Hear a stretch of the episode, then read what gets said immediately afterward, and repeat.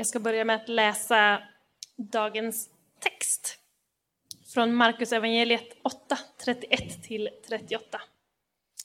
Därefter började han undervisa dem och sa att Människosonen måste lida mycket och bli förkastad av de äldste och överste prästerna och de skriftlärda och bli dödad och uppstå efter tre dagar. Det här sa han helt öppet. Petrus drog honom då åt sidan och började förebrå honom. Men han vände sig om och när han såg lärjungarna tillrättvisade han Petrus. Håll dig på din plats, Satan. Dina tankar är inte Guds utan människors. Sen kallade han till sig både lärjungarna och folket och sa Om någon vill gå i mina spår så måste han förneka sig själv och ta sitt kors och följa mig. Ty den som vill rädda sitt liv ska mista det. Men den som mister sitt liv för min och evangeliets skull, han ska rädda det. Vad hjälper det en människa att vinna hela världen om hon får betala med sitt liv?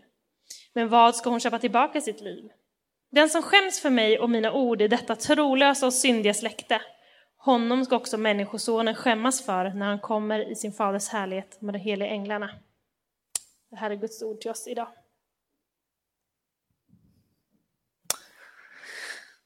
Känner ni er pepp? Ja. Ni kände liksom, det, det kändes gott, visst var det så? Ja, det är det man går på. Man är en eh, feeler eh, och inte en believer, så därför så känner man eh, saker och tänker så här, det här känns bra. Nej, men hörni, eh, jag ska erkänna det att eh, när jag har läst den här texten och eh, förberett mig så, så har jag känt mig, jag har känt mig utmanad, till och med ibland rädd inför vad det skulle kunna leda eh, om man eh, tar liksom den här typen av bibelord på allvar. Eh, och så att det har, liksom, det har slått mig, tänk om det kostar mer än vad jag vill.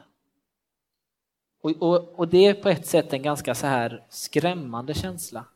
För att på något sätt så innebär det att när jag står och, och lovsjunger och säger sådana fina saker som att allt jag vill ha är det du och med allt det här ni, ni vet, det här som vi kanske inte alltid har täckning för på vårt konto. Eh, vad skulle hända om jag hamnar i det läget att, att Jesus på ett sätt begär mer än vad jag vill? Det har utmanat mig extremt mycket med den här texten. Eh, så, och med det vill jag egentligen bara säga att när vi läser den här texten så är jag oerhört ödmjuk inför eh, vad den har att säga och jag känner inte så här, I've got it done, eh, nu är det liksom... Utan jag, jag känner att jag förkunnar till mig själv när vi läser den här texten och eh, predikar. Ha, jag vill börja på en gång, eh, kasta oss direkt in i det. Eh, punkt 1 fel Messias. Eh, I stycket precis innan eh, det här så, eh, så omnämns Jesus som Messias för första gången. Det står så här i eh, Markus evangeliet 8, 27 30. Sedan gick Jesus och hans lärjungar bort till byarna kring Caesarea Filippi. På vägen, eh, på vägen frågade han dem, vem säger människorna att jag är? Och de svarade, Johannes döparen, men somliga säger Elia, andra att du är någon av profeterna och då frågade han dem, och ni, vem säger ni att jag är? Och Petrus svarade, du är Messias. Men han, han förbjöd dem strängt att tala eh, med någon om honom. Så, så det här har vi liksom, jag vet inte om ni känner att den här, den här spänningen som är här. Eh, Petrus, eh, liksom, han tjänar ju, han tjänar ju några guldstjärnor. Ni märker det, va? Att så här, det, det var rätt svar, bra gjort. Eh, och liksom I nästa mening så får han liksom en käftsmäll som heter duga. Liksom Satan blir han kallad helt plötsligt. Och det är kanske så här, alltså, jag får också några tillrättavisningar av mina chefer, men de har aldrig kallat mig för Satan. Eh, det kan jag lova. Eh, så det är, liksom, det är någonting som händer här som vi liksom kanske nästan lite missar, skulle jag vilja hävda. Och nu ska jag försöka presentera vad jag tror att det kan vara, helt enkelt. Lärjungarna och det judiska folket i stort hade en helt annan förväntansbild på det här med eh, en Messias. Att en Messias skulle lida och dö, som Jesus presenterar, det var ganska långt ifrån den uppfattningen man hade. Och, men vad var det då man förväntade sig? Det, blir, det är ju den intressanta frågan här och jag är jätteglad för frågan. Eh, det, nej, men det, det, judiska folket de hade gjort uppror mot den seleidiska kungen eh, Antiochos den fjärde Epifanes. Eh, jag har någon slags jättefin eh, skiss här på det här, precis som vi ska hänga med här på den här historieresan här snabbt. Eh, och det här hände, ja, han regerade över judarna fram till 167 f.Kr. Då gjorde makabeerna ett stort fett uppror och kastade bort den här kungen och drev ut honom. Eh, och det är det som står i de här liksom, böckerna som finns mellan Gamla Testamentet och Nya Testamentet som vi inte läser särskilt ofta ifrån, eh, som kallas för apokryferna. Eh, så där finns det bland annat några Makabeerböcker. De beskriver den typen av de krigen som skedde där. Eh, hur som helst så fick judarna i alla fall en viss frihet under nästan hundra Eh, eller drygt 100 år. Eh, och, men samma år som kejsar Augustus föddes, eh, det vill säga 63 f.Kr., då tog Rom makten över Judeen. Och de lät inrätta en underkung som var ansvarig för Judeen, men som svarade inför den romerska makten.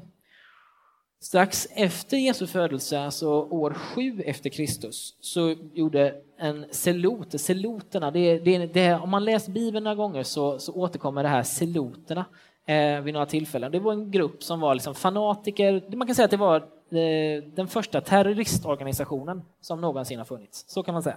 Eh, lite mildare än de här som vi känner till idag, men ändå. Eh, de, de hade i alla fall en idé om att de skulle kasta ut romarna och med en kille som heter Judas Galileen i spetsen så, så försökte de med det. Men det lyckades inte utan han, den här Judas, han dödades och upproret kvästes. Och om det är någon som, eh, det finns till exempel i Apostlagärningarna finns det en jättekort eh, passus om det här där det står att, att eh, Gamaliel, en skriftlärd, han stod inför rådet och då står det att han, att han sa, nej men Judas, han försökte ju men det gick inte så låt de kristna vara, nu när deras mästare har dött så kommer det liksom dö ut. Det var hans idé. Så, så där finns det en sån eh, ja, idé om det. Seloten i alla fall, de drev på ett uppror igen ett antal eh, årtionden senare, närmare bestämt på 60-talet, eh, i slutet på 60-talet. Och år 70 så eh, kom, det blev lite krig där de sista åren och Titus som skulle bli kejsare eh, typ 9-10 år senare, han intog Jerusalem och förstörde det och jämnade det med marken. Så kan man säga. Så att om man förstår så här, att det här, är, det här är situationen som det judiska folket är i. Det är, de är förtryckta. De har härskare över sig och de försöker gång på gång göra sig fria och lyckas ibland och lyckas inte ibland. Det är klart att man, den här messiasbilden som de har med sig från gamla testamentet, den är inte liksom så här, nu ska det komma någon och dö på ett kors. Utan den är, nu ska det komma en härskare som ska driva ut romarna och återupprätta ett liksom, Davids kungarike som de hade läst om. Liksom. Det var deras förväntansbild på, eh, på Jesus när han, när han liksom började identifieras som Messias. Våld helt enkelt var lösningen. Och till den här lärjungaskaran så säger Jesus så här. Människosonen måste lida mycket och bli förkastad av de äldste och översteprästerna och de skriftlärda och bli dödad och uppstå efter tre dagar. Det finns ju så oerhört, det är ju verkligen två olika bilder och, eh, och jag undrar själv, liksom så här, vad har jag för missuppfattningar som jag måste bli tillrättavisad om? Är det ibland att jag tänker så här att Jesus han är, någon slags, han är en av tallriksbitarna i mitt liv för att jag ska få ett balanserat liv. Han är liksom, ni tänker tallriksmodellen, han, han är en del av det. Så finns det jobb och fru och lite andra grejer, men han är en del av det. Ehm, eller är det att han är liksom magiken som ska få mitt liv att snurra och funka? Bra. Är han min nallebjörn i mörka nätter? Eller är han min emergency contact när allt skiter sig utan att vi egentligen har en riktig relation till honom? Det skulle vara jättekonstigt om någon, det är nämligen så här, jag vet inte om ni har det i era telefoner, men jag har i alla fall inprogrammerat på två personer en sån här ICE, eh, ICE 1 och ICE 2. Det betyder in case of emergency. Eh, så när, någon hittar min iPhone och jag håller på att dö typ så liksom öppnar man den och sen så förhoppningsvis har jag inget lås, det har jag så det, det här skiter sig i alla fall. Men point being, eh, man tar sig till sökfältet, skriver ICE, då får man upp den personen man ska höra av sig till. Eh, så I mitt fall är det min fru och det hade varit jättekonstigt om, om jag inte hade någon särskilt bra kontakt med. Så när man ringer det här numret så blir det så här Jaha, den, det var ju konstigt att den personen har använt, angett mig som eh, sin ICE. Ja, men, ja, men det var konstigt. Men, men det kan vara liksom ett problem, tänker jag, som skulle kunna, det skulle kunna vara en missuppfattning som man har kring vem Jesus är. Han är liksom någon som eh, fixar det när det skiter sig. Det där är ju på det mer personliga planet. Nu skulle jag vilja presentera en bild som jag tror är på lite mer, som, lite mer strukturellt plan, så här, som jag tror är ganska stor och utbredd, särskilt i vår kultur och som jag skulle liksom vilja slå död på här lite snabbt. Eh, vi kallar det för kristendom. Det är ett, ett kristet rike. Eh, och det, kristendom används i kontrast till Christianity, det vill säga alltså, vi kan tyvärr inte använda vårt kristendom för det är det som är vi, det är så vi översätter Christianity. Så det, vi måste använda engelskan här för annars så går det inte. Eh, utan, men kristendom, det är, liksom, det är ett rike, ett, stater som är kristna. Det vände väldigt snabbt för den kristna kyrkan. På 200-talet Eh, slutet på 200-talet efter Kristus så var den liksom, alla kristna var ju djupt förföljda. Alltså det var, det var inte kul att vara kristen kan man säga. Eh, I slutet på 300-talet så var man helt plötsligt den liksom officiellt erkända religionen som alla skulle tro på. Så på 100 år så gick det, liksom, det gick väldigt snabbt kan man säga. Eh, och det finns givetvis en mängd problem med att vara, vara den officiella religionen som alla ska tro på. Och en av de viktigaste faktorerna är givetvis alltså framtvingandet eller liksom påtvingandet av kristen tro på människor som inte vill ha den.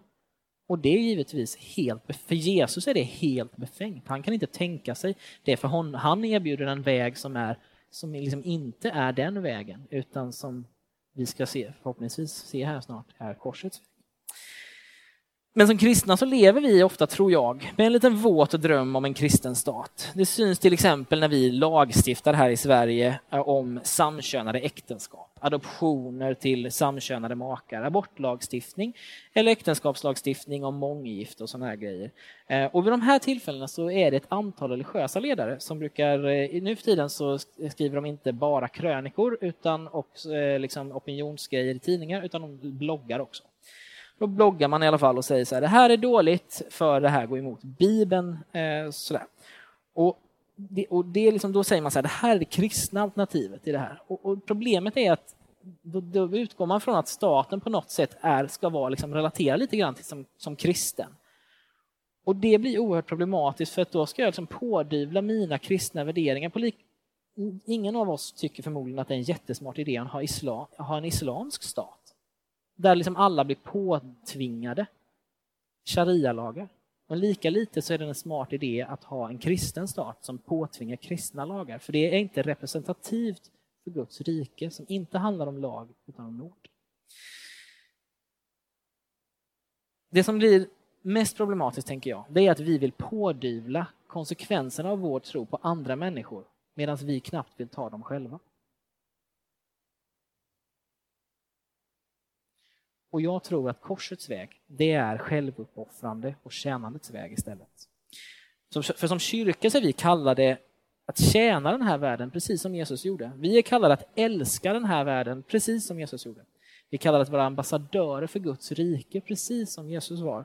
Och vi är kallade att gestalta Guds rikes värderingar och kultur precis som Jesus gjorde. Sankt Vincent de Paul han eh, skriver så här. Så, vår kallelse är att gå, inte bara till ett grannskap, inte bara till en stadsdel, utan till hela världen. Och göra vad? Att ställa, att ställa människors hjärtan i brand för att göra det som Guds son gjorde. Han kom för att sätta världen i brand och elda på den med sin kärlek. Det är kyrkans uppdrag, inte att lagstifta och komma ovanifrån. Och när vi har en fel bild av vem Messias eller Jesus är, då tenderar vi att halka iväg och tro fel saker om honom. Det här tar ju, måste ta sig uttryck på något sätt. Jag, och för mig så, så tänker jag att det måste ta sig uttryck i att jag hjälper och tjänar och älskar människor runt omkring mig i genom givande av tid, pengar, energi, engagemang. När vi kollektivt som kyrka så måste det också ta sig uttryck på något sätt. Det gör det när vi, när vi samlar in pengar till nödställda, när vi eh, ber att det bästa ska hända vår omvärld och när vi gemensamt älskar människor i fest och i sorg. Och givetvis på många andra sätt också. Ha, två. Nummer två. Framgångens väg är vår defaultinställning. I vers 32-33 här så står det så här. Detta sade han helt öppet. Petrus drog honom då åt sidan och började förebrå honom. Men han vände sig om och när han såg lärjungarna tillrättavisade han Petrus. Håll dig på din plats, Satan. Dina tankar är inte Guds utan människor. Människors. För Petrus är det otänkbart med en Messias som ska dö och för Jesus är det helt ofrånkomligt. Petrus hade aldrig umgåtts med tanken på en lidande Messias och Jesus kunde inte se någon annan väg. Så det är klart att det finns en extrem diskrepans här emellan, det finns oerhört avstånd. Petrus, jag tänker så här, han kör sina vanliga argument. Vi ska göra detta med makt, Jesus. Vi ska vinna och vi ska inte förlora. Vi ska leva och inte dö. Vi ska vara starka, inte svaga. Vi ska ha framgång, inte lida nederlag. För Petrus, liksom för dig och mig förmodligen, var framgångens väg det mest naturliga som hänt. Och inget han ens hade, hade en tanke på att ifrågasätta. Däremot ifrågasätter han kraftigt Jesus och när han presenterar det här korsets väg. Och Markus skriver att Petrus epiteman Jesus, det är det grekiska ordet. Och det ordet används ofta när Jesus eller någon annan ska driva ut en ond ande. Så det här att förebrå kan man fundera på om det inte det var lite väl mesigt övers liksom översatt. Utan jag tänker så här, Petrus, han, han går crazy på Jesus. Det är det som händer. Det är inte så att han liksom säger, du ursäkta mig, jag har en tanke här. Utan det är, det är verkligen så här, han börjar skälla ut Jesus efter noter. Och då är det inte heller svårt att Jesus då, som ju är en temperamentsfylld jude i Mellanöstern för 2000 år sedan, han är inte svensk, han är inte från Lycksele eller någon annanstans, utan han är från Galileen. Och där är man eh, mer temperamentsfylld än vad du och jag är. Och då, då kallar man honom för Satan. Det är en idiot.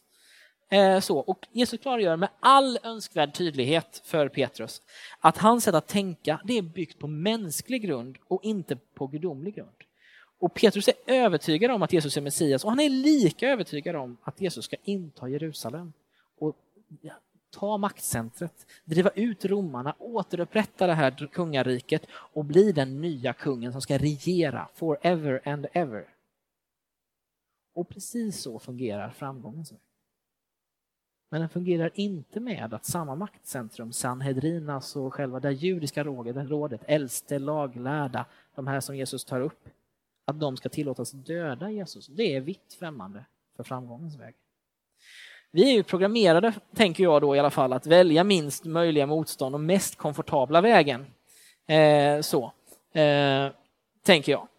Flyg eller båt till USA, hörni? 21-växlad eller treväxlad cykel? Vinna på Triss eller hårt arbete? Dietpiller eller gymkort? 2,2 barn eller 7 barn? Volontärarbete på Zanzibar eller i Sibirien? Att ta den tuffa vägen, korsets väg, det faller sig inte naturligt för oss. Det är inte någonting som du och jag är wired för. Vi, det är väldigt tydligt att vi det är naturliga för oss, det är defaultinställningen. Det är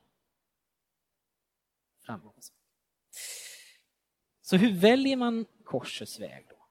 Är det, är det ett val? Liksom? Hur, hur, funkar det? Det, det, det, måste jag erkänna är min egen, liksom, det är en klurig fråga även, eh, förlåt att jag uttryckte det så, även för mig. Det, det låter så, nej, det är en klur, klurig fråga för mig. Eh, så. Först av allt tänker jag att man måste inse att det här kanske inte är någonting som jag kan prestera fram. Det är ingenting som jag kan så här, master up. Liksom. Utan det här är någonting som jag kommer behöva, jag kommer behöva bli uppfylld på något sätt eh, av den här korsvägen.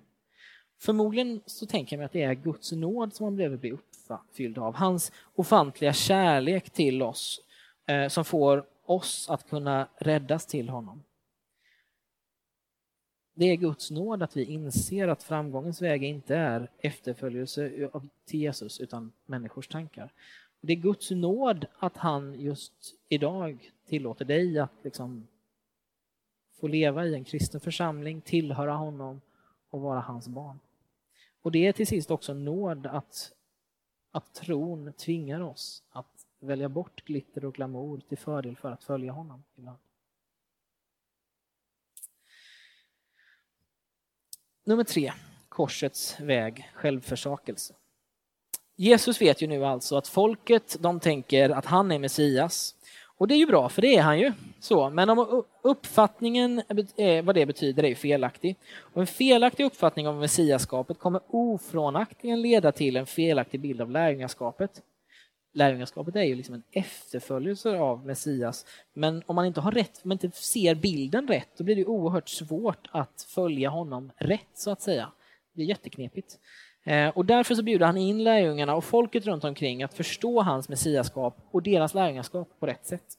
Så han säger så här, sedan kallade han till sig både lärjungarna och folket och sa, om någon vill gå i mina spår måste han förneka sig själv och ta sitt kors och följa mig. Ty den som vill rädda sitt liv ska mista det, men den som mister sitt liv för min och evangeliets skull, han ska rädda det. För oss är ju det, för oss är det här korset det är ett slags, eh, ja, i många fall är det ett smycke. Eh, så jag såg någon, någon av oss som hade det runt halsen. Eh, det är en symbol för frälsning som vi har i kyrkan. Och kanske i allra bästa fall så är det en symbol för svårigheter. att Ta sitt kors. Att, ja, det är, det är liksom jobbigt. Det, I bästa fall är det så, tänker jag. För de som hörde Jesu ord så var ju korset ett avrättningsredskap som romarna använde på de riktigt, riktigt illa skurkarna. Eh, och för de som läste Markus evangeliet då, eh, några decennier senare så fanns det liksom ett tydligt minne av att Petrus hade blivit korsfäst i Rom. De kom också ihåg att en kejsare, kejsare som hette Nero hade anklagat alla kristna för att det var de som tände eld på Rom. Så han bestämde sig för att tillfångata allihopa eh, och sen så på kvällarna i sin trädgård så lät han korsfästa kristna, som tände han eld på dem. Eh, för att lysa upp sin trädgård. Han behövde lampor helt enkelt. Så det var deras bild av korset. Och som ni kanske märker så är det en, lit, alltså, det är en liten skillnad här, va, återigen, va, från det här med smycke till, eh, till va, liksom, att det här är liksom det som kommer ta koll på mig i den här världen. Eh, så. Och, och, och, det inser jag, liksom, när jag kommer till den här texten så inser jag att jag är ju kanske inte rätt, på ett sätt rätt skickad att ens förstå det här. Samtidigt så måste jag ju förstå det här, eller jag måste liksom ta, ta det till mig. Och då behöver jag hoppa in i deras värld och förstå att när Jesus säger så här, ta ert kors och följ mig. Så är det en uppmaning till de kristna, inte bara att liksom häng, häng ett kors runt halsen, utan om du blir tvingad till det, så förneka inte din tro. Ta ditt kors, häng i hans trädgård, dö och bli uppeldad. Det är, det är uppmaningen i slutändan och det är ganska, ja, det är tufft, känner jag själv. Jag har länge läst den här texten i alla fall eh, och tänkt så här att mista livet, det innebär ju att dö. Det har jag tänkt, alltid tagit för självklart. Och så har jag nu börjat fundera på, inte så, så säker på att det måste innebära just det, utan jag tror att det kan innebära frånvaro av liv. Eh, alltså, jag tror att det kan innebära döden i slutänden. Men det, jag, det liv som, jag, som söker sitt eget är kanske inte livsbejakande utan är ett jagande efter vind. Och till sist blir det så tomt att det närmast är livlöst, att man har mist livet. Framgångens väg den säger så här att hitta dig själv, utveckla dig själv, förbättra dig själv, tro på dig själv, var stark i dig själv, främja för den uppmärksamme så är jaget, ego, den återkommande punkten. Korsets väg istället, det är försaka dig själv. Finn Kristus. Betjäna andra, ge till andra, hjälp andra, be för andra, älska andra, offra dig själv. Jag tänkte så här, det är så komfortabelt att ta fighten. Eh, jag har tänkt på de här rumänska tiggarna lite grann den sista. Jag vet inte om ni har läst eh, lite grann om det också och uppmärksammat det. Det är i alla fall fler eh, som typ vid tunnelbanestationer och utanför ICA och sådana ställen eh, sitter och tigger än vad det var för typ fem år sedan. Eh, och då finns det ju ett gäng som eh, tar fighten för det här. Jag har säkert gjort det här också. Jag vet faktiskt inte, ni får kolla mitt, mitt eh, Facebookflöde. Men, eh, men man tar fighten mot det här och så tänker man så här, ja, nu så eh, ska jag posta en artikel som någon vettig människa har skrivit och så postar jag den och så skriver jag, så kolla på det här, SD, era dumhuvuden. Men så, så tänker man och det är liksom jättesmidigt. Eh, och det är ju framgångens väg, tänker jag. Det är smidigt bortkopplat. Behöver ta striden för någon på avstånd, inte i närkamp. Nina Lagerberg istället, 75 år, hon stod om i Metro för några månader sedan. Hon bor i Sollentuna. Ehm, hon uppmärksammade två rumänska tiggare eh, utanför den lokala ICA-butiken där hon bor. Så hon tog med dem hem. Lät dem duscha, bo över ett tag. Eh, deras manliga släktingar kunde komma förbi och duscha, raka sig, äta lite mål, ett mål mat emellanåt. Hon påpekade att det inte var, det var inte så farligt för de åt mest eh, vad sa hon, pommes frites och något annat. Så det var inte så farligt tyckte hon inte. Eh, de har också följt med till sommarstugan i Dalarna och hjälpt till att rensa ett förråd. Det har aldrig varit så rent, påpekade Nina. När hon ska sammanfatta hur hon tycker att vi ska behandla dem så säger hon så här. Först ska vi se människan. Vi ska le för att visa att vi är på samma nivå. Vi ska ge, kanske gå in och köpa en banan och sedan be om att det ska bli en lite bättre värld. Jag vill helgonförklara den här människan. Alltså jag känner så här, jag vill helgonförklara människan. Smaka på det här ordet, självförsakelse. När använde du det senast? hur känner du inför det? Känner du, känner du dig hotad eller känner du dig upprymd? Jag personligen känner mig extremt hotad. Jag känner att självuppsak, alltså självförsakelse, det betyder att jag behöver ge upp mitt eget. Och det känns, det suger, tänker jag. Eh, så det är min spontana känsla inför det. Eh, så. Så hur ska, liksom, hur ska jag logiskt kunna förklara eh, att det är så här. Och Jesus han gör det i handelstermer, eh, nummer fyra då. Hur värderar man ett liv? Han fortsatte. Vad hjälper en människa att vinna hela världen om hon får betala med sitt liv? Men vad ska hon köpa tillbaka det? Ja, och, så, och då blir det så här. Nu är vi nere, vi, är nere lite med så här, det ska vara lite tungt nu bara, om ni, om ni känner att det är tungt så här ska det vara tungt just nu. Eh, så. Vad hjälper det om du lyckas med din utbildning? ditt nystartade bolag eller din karriär? Vad hjälper det om du lyckas med din bostadskarriär? Hitta den perfekta partnern och få dina perfekta barn om du får betala med ditt liv. Men vad ska det köpas tillbaka? Alltså, hur kan det ovärderliga livet värderas? Vad kostar det som inte kan köpas? När du en dag har levt upp dina år och inser att det bara har syftat till dig själv, hur ska du kunna ta dig tillbaka i tiden och ändra det? Men mina vänner, det är, det är omöjligt. Och det är precis det som Jesus försöker säga. Det går inte att köpa tillbaka det som har gått förlorat. Det som man kan göra, det är att leva i nuet. Man kan leva i nuet och förstå att det som är gjort är gjort och kommer inte tillbaka.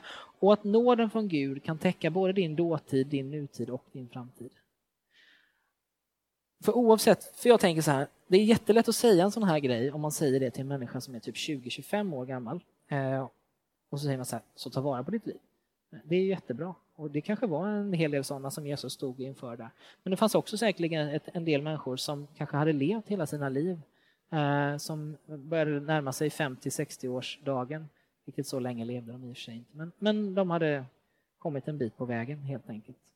Det är klart att den här utmaningen måste ju gälla även den människan. Och då måste det någonstans vara så, tänker jag, att, att den här utmaningen handlar primärt om att vad gör du nu? Den som, den som vill följa mig, gå i mina spår, den måste ta upp sitt kors och förneka sig själv. Alltså den behöver inte ta, ta upp sitt kors, det är, inte är inte liksom var du ska vara just nu, utan det är där du är. Jag har en, jag har en, eh, en präst som jag eh, lyssnade till som sjunger en sån här helt fantastisk sång som på ett sätt är lite check men, men eh, han heter Magnus Asa tror jag, han är från Övik och han sjunger en sång som går typ så här Han älskar dig där du är, inte där du borde vara. Jag tycker det är så helt genialt. Alltså det är där, och du, för du kan inte ta ansvar för någonting annat än just där du är nu. Och, och, så det är ju just nu som du kan ta ansvar. Du kan, och därför är det ingen mening att liksom titta tillbaka och säga usch och fy. Men du kan inse att om, du, om det finns själviskhet i ditt liv, om ditt liv, eller om, förlåt, den själviskhet som finns i din, ditt liv eh, och i mitt liv, vad ska du göra med den? Hur ska du kunna köpa tillbaka den tiden som du förspiller på att bara leva för din egen buk, för din egen, för ditt eget. Det är det som Jesus utmanar oss med. Och jag känner när jag läser det här att ja, jag är utmanad. Thank you sir, you got me. Så till den, eh, för mig då, allra svåraste versen. En ovanlig inbjudan har jag kallat det här för, för det är verkligen en ovanlig inbjudan. Så här står det, den som skäms för mig och mina ord i detta trolösa och syndiga släkte, honom ska också Människosonen skämmas för när han kommer i sin faders härlighet med de heliga änglarna. Alltså det är ju inte så här, man känner ju inte, man känner ju återigen, sig inte så här, oh, yes, nu, nu har vi det. Utan det är ju en, eh, det är ju på något sätt en, på ett sätt en varning men om man vänder på det och tänker så här, men vad, är, vad, vad säger han då tvärtom? Jo, man säger ju att den som, den som inte skäms för mig, honom ska inte jag skämmas för. Och det här är inte en, jag tror faktiskt inte att detta är en eh, do good, get good. Jag tror inte att detta är lag, utan jag tror att det här är en, en, en Jesu uppmuntran och uppmaning till oss. Håll fast, skäms inte, vik inte ner dig. Släpp inte det som du har köpt dyrt. Det vill säga när du har tagit den här korsets väg, när du har, när du har köpt det här med din egen självförsakelse. Ja, men släpp då inte det när du liksom är vid sluttampen. För det är ju det, återigen, det som Markus läsare faktiskt står inför. Det är ju att de har ju säkerligen tjänat i sina församlingar och liksom betjänat fattiga i sin stad. Och återigen, du har säkert människor som är 60 år gamla som har liksom gett hela sina liv för Jesus och som nu står in på randen och då så blir uppmaningen i slutändan, skäms inte. Ta priset, det är värt det. Det är hans. Och han inbjuder på det sättet oss att ta del i den här, den här lojaliteten till Jesus. Att, och, och det där är ju att tro på Jesus, att öppet bekänna det utan att dra sig undan eller för den rollen ta för den delen ta rollen som martyr, ni vet den här konstiga kristne. Eh, det är verkligen en sann utmaning. Att, att stå där eh, i den här världen, i sitt arbetsliv eller i sitt studieliv, att stå där med sina kamrater och inte blekna in så mycket att det inte finns någonting av Kristus kvar utan det bara är, jag är bara precis som alla andra. Men inte heller sticka ut så mycket att jag bara är liksom det här, ni vet det här knäppa laget som, som man bara så här, ingen vill ha med dem att göra. Det, det kan ju vara så att det ibland går så långt. Det kan vara så i vissa politiska frågor, i vissa eh, frågor som du och jag behöver ta ett ställningstagande i. Det kan vara så att det till och med går så långt att du blir utstött för det. Och det kan ju vara tufft. Men det är inte den vägen vi i första hand tar. Det är den vägen som man möjligtvis blir tvingad in i. Men det är inte den vägen, man ställer sig inte i det riket och säger så här, jag ska tillhöra det här knäppislaget som, eh, som står och pekar finger och säger fy dig i världen. Eh, utan utmaningen tänker jag i, det ligger i att, att stå där mitt i vardagen med människor som inte tror eller som tror och vara den här ambassadören. Det är, för mig i alla fall, djupt utmanande. För dig som redan då är troende så tänker jag att den här frågan blir, den här inbjudan, kommer du vara lojal mot Jesus även när det kostar på? Kan du tänka dig att välja den här korsets väg framför framgångens väg? Kan du tänka dig att vara en, på ett sätt då, i många människors ögon, en förlorare? istället för att framstå som den här vinnaren. Och veta om att du faktiskt är vinnaren. Men det syns inte. För dig som inte talat om för dig, uttalat för dig själv eller andra att du tror så skulle jag tänka att den här frågan snarare är en inbjudan till att börja tro och följa honom. Att eh, faktiskt, eh, att faktiskt bekänna dig till honom och säga, nej men jag vill tro på dig. Jag tror att den uppmaningen blev det också för de människor som läste Markus evangeliet 60-70 efter Kristus. Att det blev någon slags, ja men ska jag vara med i det här? För jag vet att det kostar på mycket. Jag vet hur det är att vara kristen. Jag vet hur det är när kejsar Titus förföljer dem, när Domitianus går efter dem. Ska jag våga? Och då någonstans så finns det en inbjudan. Våga, kom igen. Det är som sagt en ovanlig inbjudan. Men det är en inbjudan att vandra Jesus stig istället för den där motorvägen som är framgångens väg. den lätta vägen, det som känns naturligt, som, eh, som är vårt defaultläge. Att be Gud om nåden att få följa korsets väg istället.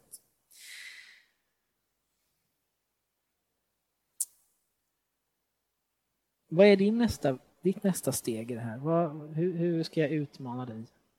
Jag vet faktiskt inte riktigt hur jag ska utmana dig. Jag, det finns ju mycket grejer som helst. Du, din, din arbetsvärld, där kan du göra en skillnad. Ditt, eh, hur du behandlar din eh, partner eller dina vänner eller din familj, där behöver du förmodligen utmanas precis som jag. Själv så tänkte jag att jag skulle jag ska försöka lyckas med att den här veckan, för jag ska inte ta st större ord i min mun än vad jag kan klara av, men jag ska försöka lyckas med att sätta mig in i en rumänsk tiggares liv, även om jag inte, vi inte kan samma språk. Eh, och så tänker jag att vem vet, kanske får jag se Jesu ansikte där mitt i fattigdomen. Eh, kanske får jag inse att precis som det står i, i Matteus 25, att det är liksom när man betjänar människor som är i de mest utsatta situationerna det kanske är då som man faktiskt betjänar Jesus allra mest. Kan vara så. Eh, tyvärr så har mitt liv kanske inte, liksom, jag kanske inte har ägnat mig åt att testa det allt för mycket.